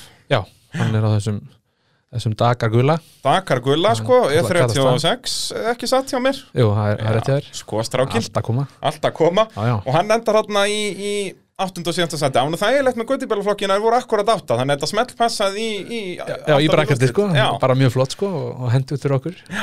og, en þarna voru engin afföll en eitt svo leys Það bara kláraði allir bílar í runni Já, það, það kláruðu allir í þessum flokki og, og hérna Gulli var runni í, í smá smá vandræðum með bílinn að hann náttúrulega búin að vera að breyta honum mikið og, og komið með mun meira afl, komið með hérna túrbínu og, og, og, og fleira að, hérna, ek- og ekki keirt neitt sko þannig að, þannig að hann var í smá, smá basli og sérstaklega í bleitunni að hérna, Það var að vera að henda honum vel honum í djúpilegina þarna já, að læra nú allt þetta afl í, í bleitunni, það er svona þetta er kannski ekki alveg svona ídel, ídel byrjun sko Nei, þegar þú ert búin að vera að tjúna og bæta hestablónu við það, þá færðu bara polla í fyrstu kefni Já, þetta er svona er ekki ekkert- alveg nóg þetta er gott. ekki Þannig að- draumurinn. Þannig ég ætla ekki að, ég ætla ekki að hérna, afskrifa hann Nei. þó að, þó að þetta hafi ekki farið jafn, jafn vel og, og hérna, var að vonast til Við, sko. við spyrjum að leikslokum þarna Já, spyrum ekki slúku uh, Sjöunda sendi og næst síðasta Arnar Ingi Ólafsson Já. uh, Er þetta Nissan sem hann er á? Eða svona Já. hérna Já, Hann Nissan er á svona 206 Já, svona akkurat. Nissan og, og, hérna, og þetta, er, þetta er mjög öflugu bíl og, og hérna, búið að smíða og breyta miklu núna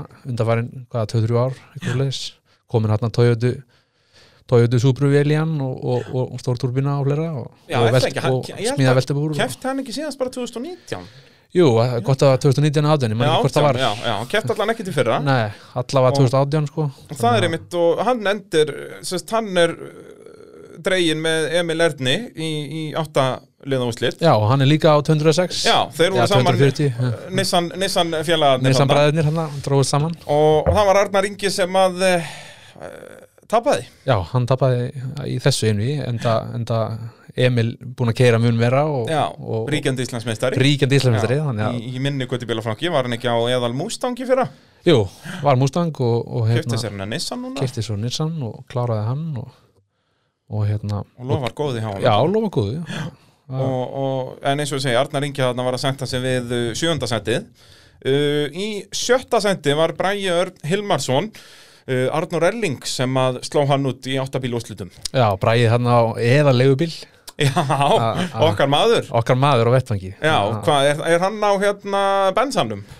Já, hann var á Benz uh, þessum 124 Já, ég er bara nýmóðins bens eh, Nei, nei þetta, er, þetta, er, þetta, þetta er gamall bíl þetta Já. er, þetta er ekki sérst, þannig að keppnisbílin frá honum Aroni þetta er, þetta er rauninni bara eh, gamall 420 Benz bara 92 eða eitthvað alíka sko. Já, já og algjörlega bara sjálfskiptur og hann bara kom beint frá reyfli og, og, Í leiður jakkanum bara, Já, já. lóðandi léttur bara ekki málið og Víst, setti bara mælin í gang þegar hann fór á stað og allir, Svona á að gera þetta allir ljúfur og káttir sko. Já, það er bara, ef þetta er afturdrifið, þá mætir áherslu á þetta í drift. Já, það- hann gekk nú alveg ótrúlega vel miða við, sko, Já. ég, ég verð að segja það ég verð að hrósa hann fyrir, fyrir hérna, flottan akstur á, á ekki meira græðum bíl en þetta Eðal sálskiptum bens. Já, Uh, Hrafkjell Rúnarsson, hann í 5. seti, eða 5. til 7. eru þeir ekki allir hérna nokkuð jafnir sem að dett út í áttabílúslitum? jú, nokkuð Hann er á kompakt, eða ekki, E36. Jú, hann er á kompakt og hann er nýlega hjá okkur og,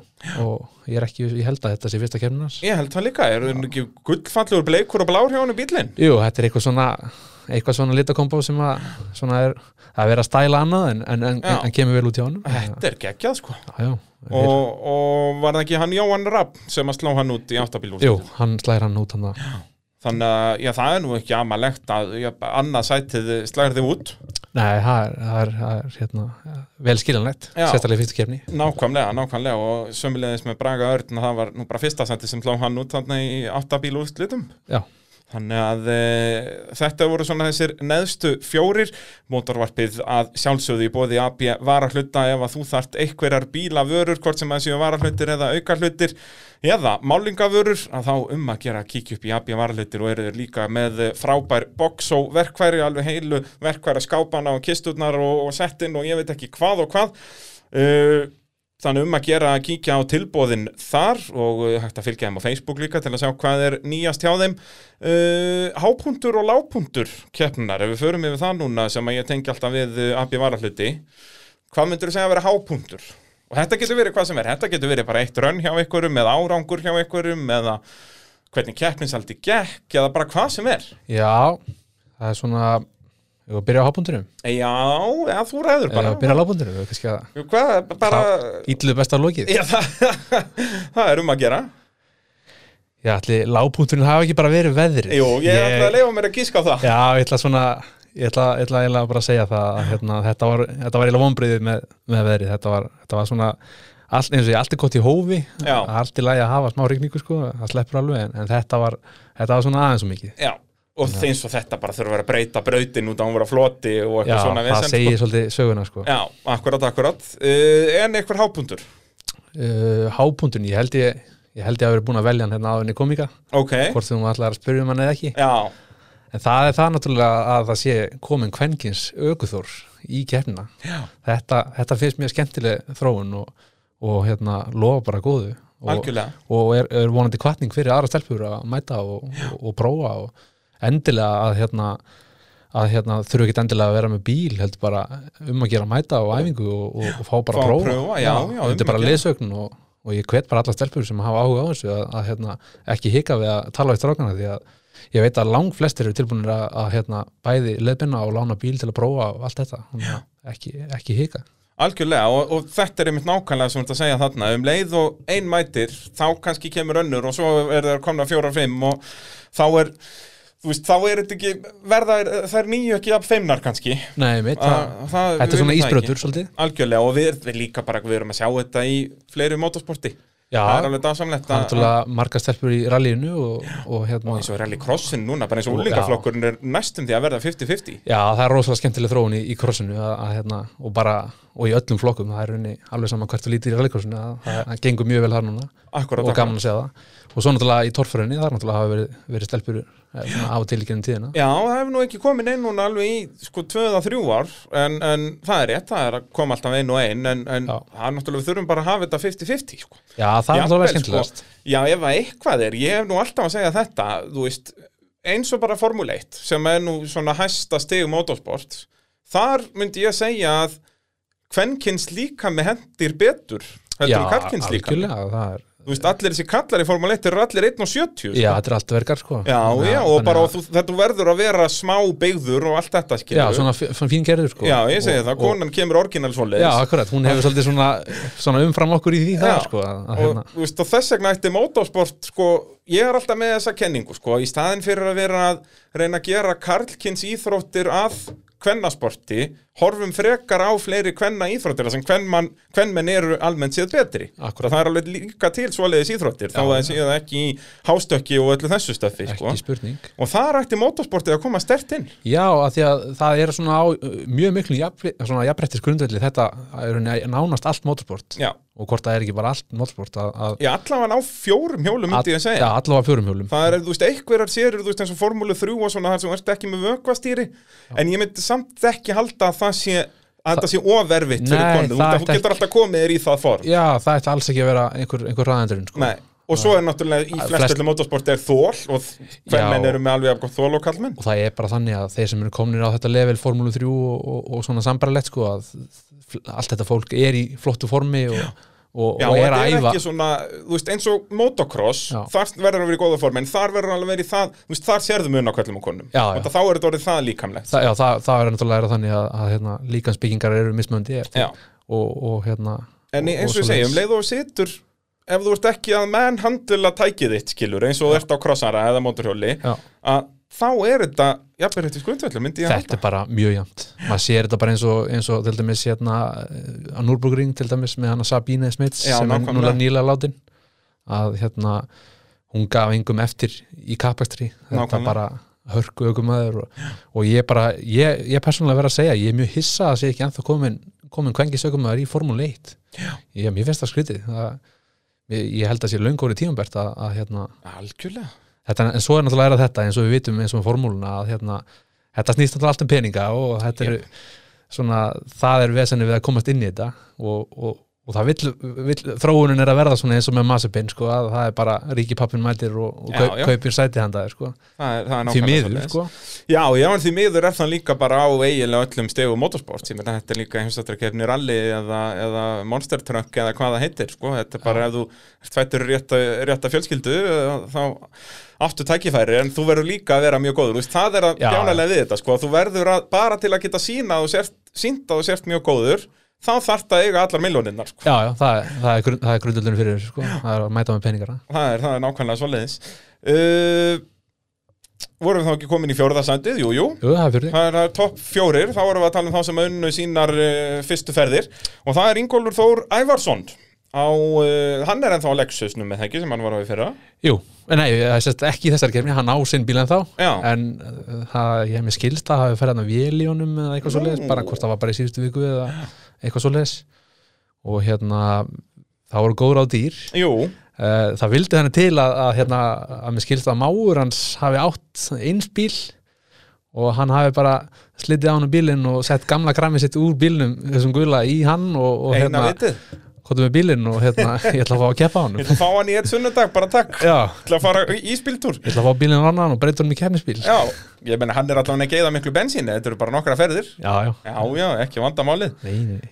Þannig að uh, hann var mættur undanlegs, var náttúrulega í öðru sæti í Íslandsmótinu sest í minnugötubílum í fyrra já, í fyrra og er mættur núna í, í göttubílana uh, bara næsti, næsta skreif fyrir ofan Já, já, menn náttúrulega ef hann nær þessum árangri í minnigötubílum þá er hann ekki gjaldgengur lengur í flokkin uh, top 3 í, í Já, það eru alveg top topp þrýr, já. Já, og þeir, þeir fara bara upp í næsta flokk það er Og hvað er keppnisfjöldin? Var það sjö keppnir eða eitthvað svo leiðis?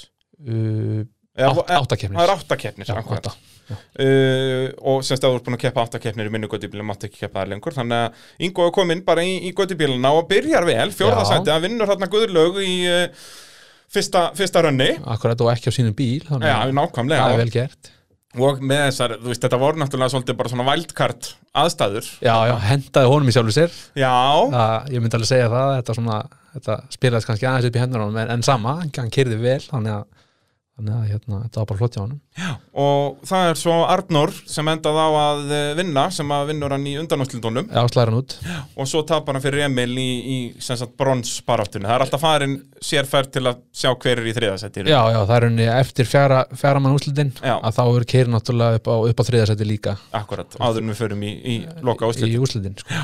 og uh, þá veitum við það að það var Emil Lörd Kristjánsson sem var í fyrsta sætti í minni göttubílaflokknum í fyrra í Íslandsmótinu að uh, hann var þriði á nýja bílnum, Nissaninum fagur fjólublár Fagufjólblá Já, já, já, já, já. Og hann vinnur hann Arnar Inga í áttabílúslutum, tapar fyrir Jóhanni sem endaði að vera annar í undanúslutum en vinnur svo uh, slæginum þriðansætti þarna við uh, Ingolf. Já, flott hjá honum að, að hérna, koma á nýjum bíl og, og, og hérna, ná byggar það er mjög, mjög flottur árangur í, í svona sterkum flokki Nákvæmlega og bara solid puntar á, á töfluna og, og hérna um að geða, sérst, hann fyrir bara beint í slægin um, um fyrsta sættið í Íslandsmótinu. Já, já, hann, hann verður klálega í sumar í, í baratinu um, um titilinn, það er ekki spurning með við þetta sko Þannig að Það er gaman að sjá hennar bíl í, í hérna aksjunni það, er, hérna, minn besti vinnur Ísak hann, hann smíðaði hennar bíl og átt hann já, ég veit ekki hvað, tí, núna undanfærin tíu ár og, Já, og var svo alveg bara- heilengi, Já, ég held að bara þegar ég var með honum í borg og áttan hann sko held ég, Já, já. og það eru mörg ár síðan. Já, já, hann, hann hérna, seldan hann það núna bara nýlega hann, er- og Emil, Emil kaupir hann á honum og, Og og, klárar hann, það Og var klárar hann. náttúrulega- það voru öll svona þessi smáatrið eftir í runni. já, já, bara einhver svona léttu frágangur Það er henni, hann var alveg fann að keira og, og gera sko, þannig Já. að þetta, bara, þetta var bara smá frágangur Akkurat, akkurat. Uh, annað sætið í Götubílafloknum um helgina, Jóhann Rapp, Rappsson, uh, hann kikti nú líka í spjalltíminn hérna fyrir tímabili og þetta byrjaði príðis vel hjá honum í, í einn af keppendum All Out Racing, var í fjórðasæti í Götubílafloknum í fyrra í Íslandsmótinu Já, og uh, hann vinnur uh, Rappkell og svo Emil í sem sagt eh, útsláttakefni en uh, í úslitum að þá var Arnór Erling Einarsson aðeins og góður fyrir hann Já, svona, svona das Já, hvernig var, var mikill munur á þeim, fannst þér? uh, Nei, ég ætla nú ekki að segja að það hefur mikil munur á þeim tveim, Arnóri og, og, og Jóa það, hérna- En það er það nú yfirleitt svoleiðis, þegar að komið þér í úslitin að þá allan að ná svona, þegar ég mæti sem áhorandi eða tökumadur eða eitthvað, þá finnst mér að- yfirleitt alveg svakalega lítill munur þarna. Já, það, það er yfirleitt ekki gott að vera dómar í útlutum það er svona oft, oft lítið sem sker á milli þannig, Já, að- oft þannig, þarf að fara þriðju ferðina. Já, já, og svona yfirleitt einhvern veginn en, en, hérna, en það gekk vel hjá þeim hérna í All Out Racing núna um helgina og, Heldur betur, fyrst og annað sætið. Já, það er, það verður ekki mikið betri en það Nei, Nei. það er hérna Arnór sem að vann, hann byrjar á að vinna Braga, svo Ingolf og, og vinnur svo Jóhann Rapp þarna í úslitunum. Já, þetta er svona, eins og ég segi, bara til að bæta hans við þetta, að, hérna, það er gaman að sjá Arnór vinna þessa kefni, þetta er fyrsta kefni sem hann vinnur Já. og, og, hérna, og, og svona frá minni persónlu hérna, hlið að þá myndi ég segja að hann hafi svona sínt svona mesta framfarir Já. svona milli keppna í, í þessari keppni að, að hérna, hann- gaman að sjá hvað hann er komið með gott vald á bílnum og, og, og að vinna keppni, það er, það er svona, bara verður ekki mikið betra en það Nei, og eins og líka eins og talaður um á það, en þessi göttibílaflokkur er náttúrulega svakalega samkeppnið þarna. Já, og þetta eru bara mikla græður og, og báði bílarnir Og þarna sem flest eru- allir með alveg m- mikla reynslu í drifti. Já, þú sér það að hérna, top 3 hérna, í þessum, þessum flokki, þetta eru allt bílar með veltibúr og, og hérna, stórar vélar og turbinur og veit ekki hvað Já, og hvað bara og... keppnis, þegar þú sér þennan bíl, þá sérðu bara keppnisbíl. Já, þetta er runni bara, þetta er runni opnumóks bílar sko, en, Já. en menn er runni bara að, að hérna, að koma sér á þann stað og, og þá er göttubílflokkur mjög hendur sem svona endri flokkur sko, að, að, hérna, að, að ná sér í reynslu og, og, og mæta svo í opnumlokkin þegar, þegar menn eru tilbúinir eins og bara Jóhann talaði um í, í spjallinu hérna við mig í motorvarpinu í voru að hann var hérna í fjörðasendi í Götubílaflóknum í fyrra en, en ætlaði að taka annað ári í Götubílaflóknum núna, reyna að ná titli og fara svo upp í, og þó svo að næ titlið ekki, þá held ég að hann fari í opna á næsta tímubili, sko. Já, hann, hann mun klálega að gera það það er bara, ég, ég, hérna, ég stið þessa aðferð hjá honum að- Já, er að það ekki? að ná sér í almennlega reynsla á hann og mætir í opnflokkin því að, því að það, þeir sem hafa verið að keira þar hinga til að þeir keiriðu töluvert áður en þeir fóru í opnflokkin Já, og að þeir hafa verið að keira, keira núna lengi í opnflokkin þannig að það er, svo, þetta er orðið mikið bil á milli þeirra, þeirra aukumanna sem eru sérst, í göttbúlflokki og, og, og í opnum Þannig- í rauninni bara standardin á þeim í opnaflóknum er orðin alveg svakalega hár. Já, mjög og, og náttúrulega græðunar orðnar gríðarlega öflugar og, og, og breyttar þannig að Já. hérna, það er eins gott að, að mæta með allt í, allt í toppstandi þegar að þú fer að mæta þessum strákum sko. Já, og þá náttúrulega er líka kemur þetta svakalega áskorun að fara að keppa með bíl, N- nú þarfst ekki bara að fara að hugsa um sjálfaði, heldur þarfst að líka að hugsa um annan bíl fyrir framann eða aftan þig. já, já það, en, en, en það er allavega þannig að við þegar við erum að kenna svona þetta uh, þetta hérna aktuðslega í opnumlóknum eða svona, Já, svona leið, tandem drift. já, leiðbina munum í, í þessu að, að þá, þá, þá segjum við þá sko að þegar þú ert á undan að þá áttu bara alls ekki að pæli þeim sem fyrir aftan þig Það- þú átt bara að horfa framfyrir þig og ekki, ekki spá í bílnum fyrir aftan því að, bara Já, helst hann- að taka speklarna af bílnum bara. já, já, akkurat, það er bara ekki, ekki pæla neitt í honum sko. Og það er mitt alltaf gaman þegar ég fæ driftaræðarna í, í spjallna að þeir eru alltaf mj- mjög margir með mismunandi skoðunir á þessu, sko, stundum finnst, alveg, finnst þeim gott að vita aðeins af honum í, í speklinum, sko. En yfirleitt segja þeir alltaf, jú, bara að reyna eins og mögulega getur að vera ekkert að pæla í þessu, en það er alveg hægara sagt en gert. já, já, það Þegar þú ert með hvern 700 hestafla bíl fyrir aftan þig. eðlilega, kannski ef- sérstaklega ef, að- ef að það er mikill aflmunur á bílunum sko. Já, og náttúrulega pressan og þarna kemur náttúrulega líka bara hvað þú þarft að vera svona hvað já bara eh, svona sterkur svona sálarlega séð eða þannig að pressan er náttúrulega svakalega eins og sérstaklega í setnarunni eða þannig ef að þú Já. veist að þú gerðir einhver pínu mistök og ert núna að fara og ert á eftir að þá verður þú bara, heyrðu, ég verð bara að sleikja afturbrettin á honum Já, þú, þú ert undir gríðarlega pressu þegar þetta keppi á flóknum, þetta er, þetta er rauninni einhver pressa sem að mjög fáir rauninni þekkja, Já. þetta er, þetta er ótrúlegt sko, það er bara þeir sem hafa prófað þetta, þeir vita þetta, það er, Já og líka þetta er einhvern veginn ég hef náttúrulega ekki prófað þetta og heldur ekki þú veist eins og ég myndi líka eins og kannski við torfæru út að þá er það, ertu búin að sjá annan fara í brauta eða svoleiðis en þetta er samt meira út að þetta er einví já, þetta er öðruvísi sko. út að þú ert bara, þú ert bara miðað yfir þennan Já, þú veist já. í torfæru ertu kannski búin að sjá 14 bíla fyrir brautina og já, já, einhverju skita á sig þá má ég alveg skita á mig ég Já, já. gerir mig ekkert að svo miklu fíbli Og ef að, ef að við tölum með svona eh, contact sport sko, eins og rallycross eða til dæmis, að, Já, það er samt allt öðru en það er alltaf öðruvísi, Já. því að, því að þú hefur svona, já, þú hefur miklu meiri svona tíma til þess að hugsa sko hvenar bremsupunktar og allt þetta, en, en í driftinu er það þannig að þú átt að vera svo mikið nála tinnum að ef þú ert til dæmis að fyrir aftan að að hérna, það, það þarf aldrei mikið til þess að fara eitthvað úrskeiðis og þú vilt ekki vera val, valdur að einhverju tjóni sko. já, já. Það og er- þess vegna sko út af vorum að tala um áðan með hvernig drift virkar, þetta er bara pjúra car control og þetta, að- út af til að halda bíl í slæti, þá þarf þetta að vera í gjöf Já. þú ert að reyna að elta annan bíl en síðan kannski hægir hann aðeins á þér og þú bremsar og ef þú bremsar slætandi bíl þá snýst hann á puntinum og allt þetta, þú veist, þetta er alveg gríðanlega erfið Já, það er út að hugsa um marga hluti í einu Já. það er, það er bara svo leis og, og hérna, og sérstaklega þetta, jú, jú, náttúrulega að til þess að haldi slæti að þú stundu þarf náttúrulega að nota handbremsuna til þess að Já, já. framlengja slæti og, í rauninni til að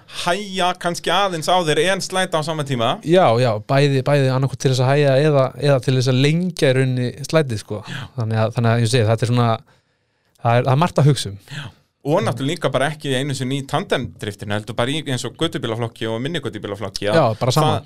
þú veist, út að þú ert að annarkvort ferð þú á undan eða á eftir og, en í setnarönni eru, þið- ertu búin að sjá hvað hinn gerði eða þannig og að, þá kemur þetta út að þetta er innvíis stemming Já, þetta er, þetta er, þetta er rosalega sálrænt, sko já, Það- alveg svakalega Þetta og reynir rosalega á hugan, sko einhvern veginn allt öðru sem heldur en önn, önnur tegund á motorsporti Já, þetta er svona, eins og ég, öðruvísi pressa Já. Þetta er- þetta er, þetta er miklu meiri svona fókusuð pressa eða þannig Já, það, þú veist, þetta er eiginlega sem að gera sportið svolítið skemmtilegt Já. að að, hérna, bæði sem keppandi og áhörfandi skilur, Já, já, já. já. þú sérð, heyrðu hann var alveg 100% hérna já, þá verð ég að vera 110% mm að þetta er alveg magna Mhm. Já. uh, áðurinn förum í opnaflokkin verði nú aðeins að tala um vinnahóp Ólís en það er að sjálfsögja bara Ólís líkilinn sem þú getur sótt um á vinnahópur.ólís.is og þá færðu mikið, mikið ódýrara bensín og uh, fullt af afslátt af öllum, eða flest öllum bílavörum hjá uh, Ólís og uh, svo er það bara öll fyrirtekin sem er að vinna með Ólís, allskins eh, restaurantar, veitingastæðir og, og kvikmyndahús og, og uh, alls konar bílastæðir já, getur við uh, afsláttur hjá löður ef ég mann rétt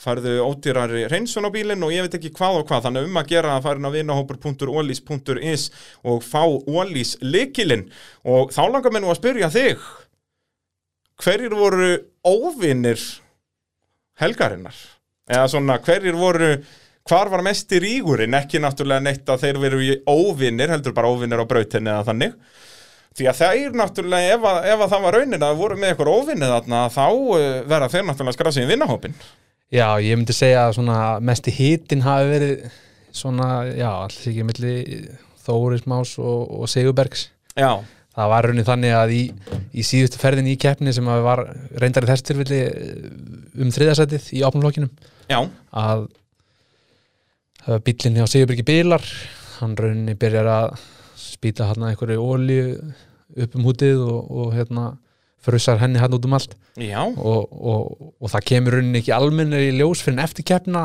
jújú, jú, það náttúrulega kom hann einhver, einhver strókur úr húnum og, og við heldum fyrst að þetta væri bara vatn þannig að já, vorum ekkert að spá í því en, en hérna og, og, og sendið á hann að stað og nefna það að Sigurbjörgur eru undan og, og hann bara svoleiðis löðrar hann bílinn hjá Þóriða framann og, Já. og þannig Þórið var nú ekki alveg parrifin að því Nei, ekki trúa því og líka svona eh, gripið ekki alveg það besta að vera bæði eh, allt á kafi í vatni og olíu Nei, akkurat og, og eins og ég, þetta kemur hún ekki í ljós sko fyrir en eftir keppnina þannig að, að því þetta var náttúrulega síðasta ferðin þannig að, Akkurat, akkurat þannig að þetta svona, já, ég myndi segja að mesti hittin hafi verið þar Og var það ekki Sigurbjörgu sem endaði á að vinna þessa ferð Jú, hann Minni runni það, hann endar þriði í runni Já, Förum við það hér á eftir Við ætlum að byrja í sjöunda sætinu Það voru sjö bílar skráður í ennum flokk sem þýðir að eh, í rauninni sá sem var með bestan árangur í fórkeppninni að hann myndi bara sleppa áttabíla úrslitum já, hann fyrir bara í svona bæ, Förum- bæ eða bara staðfestingaferði eða svo- eða svona, já, er, er í otta Akkurat, akkurat uh, og í sjöfunda seti var Árni Freyr Gunnarsson á BMW 36 er það ekki? Jú. Svona uh, grjóthörðu vætbóti og ég veit ekki hvað og hvað Já, nema vætbútið var nú bara öðru megin þetta skipti Nú það er svoleiðis, já, já, því hann hann- leit vel út öðru megin á myndinni sem ég sá Já, hann lendi í þessu, í þessu tjóni hann í síðustu viku Hann fór hann á steipu, steipu klumpana Já. Þannig að- Þannig að hann, hann, var, hann var flottur öðru megin Hann var flottur öðru megin Já, já, og en þetta verður allt fínt hjá honum. hann hefur þá sloppið alveg nokkuð vel sko þegar ég sá myndir af því að þetta leit nú ekkit vel út að Já. bíllinn bara var gætt þess að bara verið hann dónitur Já, hann, þetta leit alls ekki vel út og, og hérna, en það er ótrúleitt hvað er þetta rétta til og, og svoleiðis að þeir fóru þarna og, og, og tóðu í hann og, og gerðu græðu og, og jú, þetta, þetta, þetta, þetta slapp mun betur en að leita út frá að vera Já. alltaf, skulum orða það þannig algjörlega með að hann var mættu til lengst núna en hann var í einhverju bastlega það ekki Jú, það var, það var eitthvað bilir í ánum þannig að, þannig að hann runni uh, já, hann hann tapar hann fyrir, fyrir Jón Þóri já, akkurat, í, í uh, átta bíla úslitum já, uh, mætir að mér minnir ekki Nei. á ráslínu en var í fórkeppninni þá eða uh, já, já, klárar fórkjöfnina og, og, og hvort hann stoppar eftir það Já. svona minni það eitthvað svo leiðis uh, Ármann Ingi Ingvason á uh, Nessan já, uh, líka vandraði á honum sama að, að hérna, hann, hann klárar fórkjöfnina og, og, og lendir svo í, í bilir að hérna er eitthvað vesen að hérna, hann gengur ekki á öllum og eitthvað, þannig að hann hérna var bara frá að körfa og, og það var heppilegt fyrir Sigurberg og Jón Þór þarna keppinautandir mætti ekki í átta bíla úslitin já, en svekkjandi eins og með Ármann út að hann var svakalegur í fyrra Já, já, Ármann er hörkuökumæður og, og hérna og alveg var bara orðin bara með þeim betri hérna á landinu, myndi ég segja að að Já. hérna, að hann kom hann ekki með hennan bíl fyrst í fyrra eða hann var það heitt í fyrra eða er hann búin að vera á honum Ég held að lengi hafi verið í hiti fyrir hann hafi keift hann bara á miður tímabili eða Eitthvað svoleiðis. svoleiðis. þetta, já, hvort þetta sé bara e eitthvað þannig, mér svona minni það en, Já. en það er útrúlega gaman að segja frá því að hérna, eins og með Ármann að, að hérna, það segir svona pínu hvað maður er búin að vera lengi í þessu, sko, að, að hérna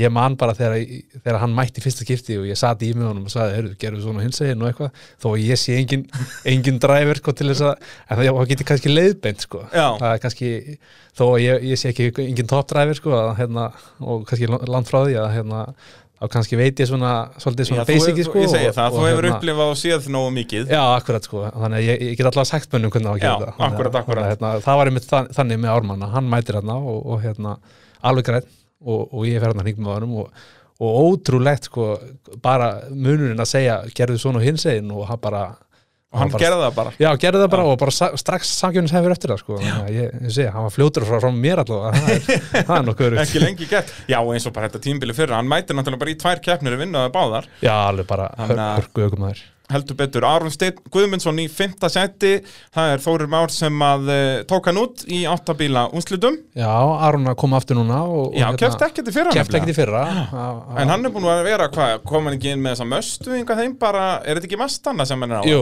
þetta er Mazda hana MX-5 Svona Miata Akkurat, sem er hérna, og hann kom með hann alveg bara, það er langt Já, síðan, 2017 held ég, eða 16 16, 16, 17, í, einhvers í staðar. drift árum er það hans í mikið, Já, það er, það er svolítið mikið Hvort það kom, já, lók 2016 minnum mig Já, Og bara var eitthvað klár svoleiðis. hérna fyrir fyrstu Fyrstu kefna, minnum mig já, hann náttúrulega er þetta ekki bara flutt inn sem kefnisbíl, er það ekki? Jú, hann, runni, hann er partur af þessu bísikliði og, Akkúrat. og hérna og má segja runni að sko opniflokkurinn, hann byrjar runni á Byrgi sig, að, að Já. hérna Byrgir fer að smíða bíl og, og eða þeir strákanir, Bísik Racing, hérna Gretar og, og Aron Steinn og, og, og, og þeir allir og, og hérna og Aron er svona nógu gáðar til þess að átta sig að því að sennilegast er bara bæði fljóðlera og, og, og dyrra að hérna kaupa bara tilbúin bíl og Já.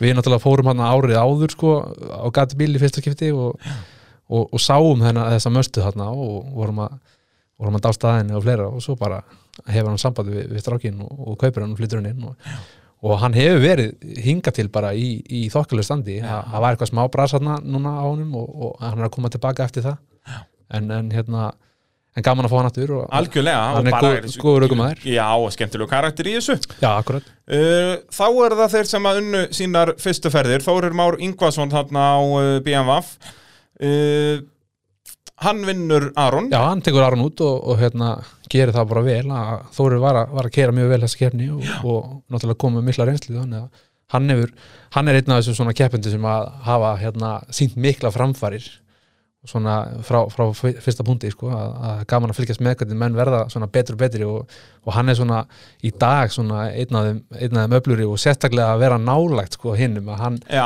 hann er góður að elta hann er góður að elda sko og hérna er að eiginlega alveg bara í, í rassjónum mönnum hann, já ég myndi segja að hann er svona með þeim betri að elda Já, í dag sko akkurat, akkurat uh, Svo náttúrulega bara lendir hann í því að fá Valgeir í undanúslitum og, og Valgeir náttúrulega endaði á að vinna keppnina já. Þannig að hann stóð ekki alveg í honum Nei, en það Valgir var að, var að gera frábælega þannig að hérna, Þórir, Þórir stoppar, eh, já, stoppar þar í, í hérna baratunum þriðasendi En fjórðasendi í fyrstu keppni, það er bara, hann verður alveg í slagnum hann um titil. Já, þetta er náttúrulega að ég held upplöðasti bílinn í keppni og, og hérna, það er ekkert grín að vera kannski með 7-800 hestöfl í bleitu og Nei, það það sko- fara að gera eitthvað glóri á stórum BMF. Já, þetta er svona, þetta er vesen sko Þannig að- Þetta, er, uh, þetta getur verið það á þröngri ja. í hábröðinni. Já, Uh, Sigurbergur Eiríksson á sinni eðal Toyota.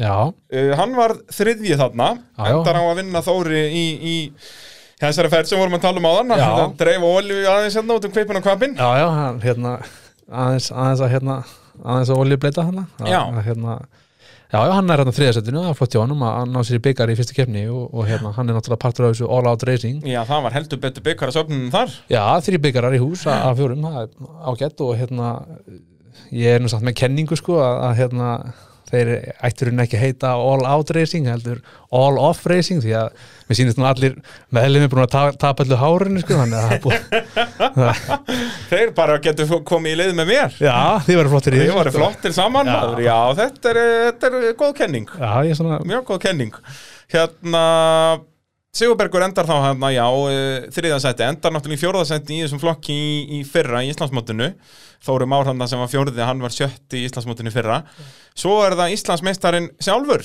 Jón Þór Hermansson á sínum eh, Lexus, hann var í öðru sætti já, ríkjandi íslumestari, hann er í öðru seti í þessari keppni heldur betur, eh, vinnur Átna Frey í eh, fyrstu umferðinni, eða hann þurfti svo sem ekkert að vinna hann, hann bara kerði staðfinstingaferð Já, Uh, svo tekur hann Sigurberg í uh, undanúslitum en tapar fyrir Valgeir í úslitum. Hvernig, hvernig voru úslita ferðin hann? Var, það- var Valgeir með yfirbyrði? um, þetta var, þetta var mjög mjög jæmt Já. það er, það- þeir voru báður að kera flott og, og hérna og svona nokkuð svipa afl í báðum bílum og svona svipa landamitti hjóla og, og, og, og hérna og báðir góður aukumenn þannig að þetta, þetta var mjög jæmt og, og, hérna, og það sýnir rauninni hversu, hversu nálægt menn eru eins og með þessa ferð það sem þeir tjóna að hérna, þeir eru onni hvort öðrum og það er pínlítið mistök og menn bara strax búin að krasa sko, þannig Já. að Þó að það sé ekki sko alltaf kafi í reykja en eitt svoleiðis að Nei. þá, þú hefur bara engan tíma. Nei, að hérna, ef hún bara allt í einu snýst að- og þú ert alveg við hliðina á honum, þá fer það bara eina leið, þannig að Það, ger, það gerir ekkert í því.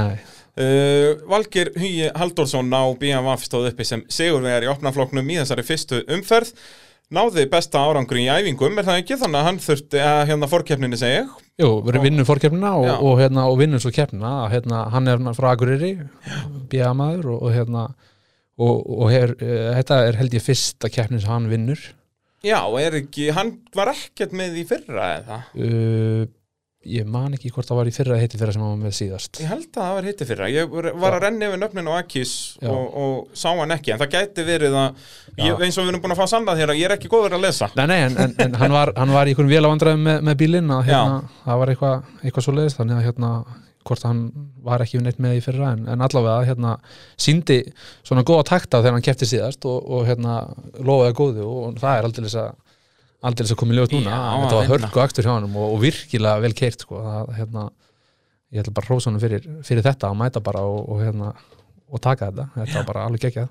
Algjörlega, og það er nú eh, eitt sem er kannski svona, ekki beint leiðilegt við drifti, en það gerist ekki oft í drifti að það eh, að ríkjandi Íslandsmeistari mæti aftur í sama flokk. Nú erum við að sjá tvo ríkjandi Íslandsmeistari, en annar náttúrulega komið upp um flokk. Já.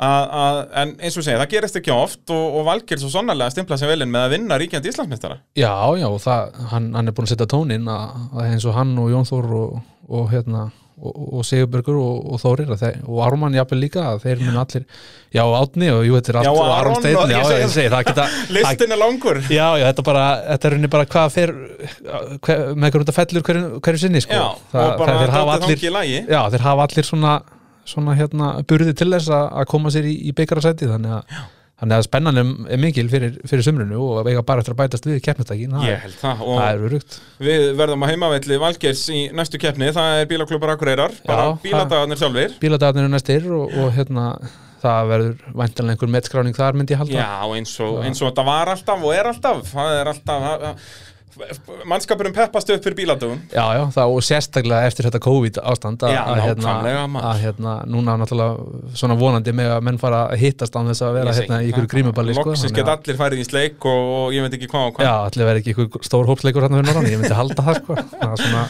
Það er- það stefnir allt í það það er spenni í fólki Já, uh, þetta sem sagt ég held, ef ég mann rétt er keppni 19. júni, er það er ekki bílasýningarna 17. sem er það 50 dagur ég held að hún sé á laugu þetta í driftkeppni, er það rétt? Ég, eða, eða föstudegi, er hún ekki Er hún- oft á föstudum? Jú, hvort hún var ekki á föstu og svo náttúrulega spytman á lögadeginu Já, það getur verið, Já. það sé á föstudegi Já, ég held að hún 18.. sé hann á daginn eftir sýningunum sko. Akkúrat, Þannig að það er akkúrat. átundi, já Já, hún er allavega hann eftir 17. ég myndi það Já. mín moment í þessum lesturum Já, já, þetta, þetta kemur, kemur fyrir sko Þannig að þetta verður bara eintóm hamingja þarna fyrir norðan uh, Okkur hefur náðu að taka uh, að að gera upp þessa keppnum bara príðis vel er það ekki, þinni minn? Ég myndi nú halda það Erum við að gleyma ykkur um nokkuð?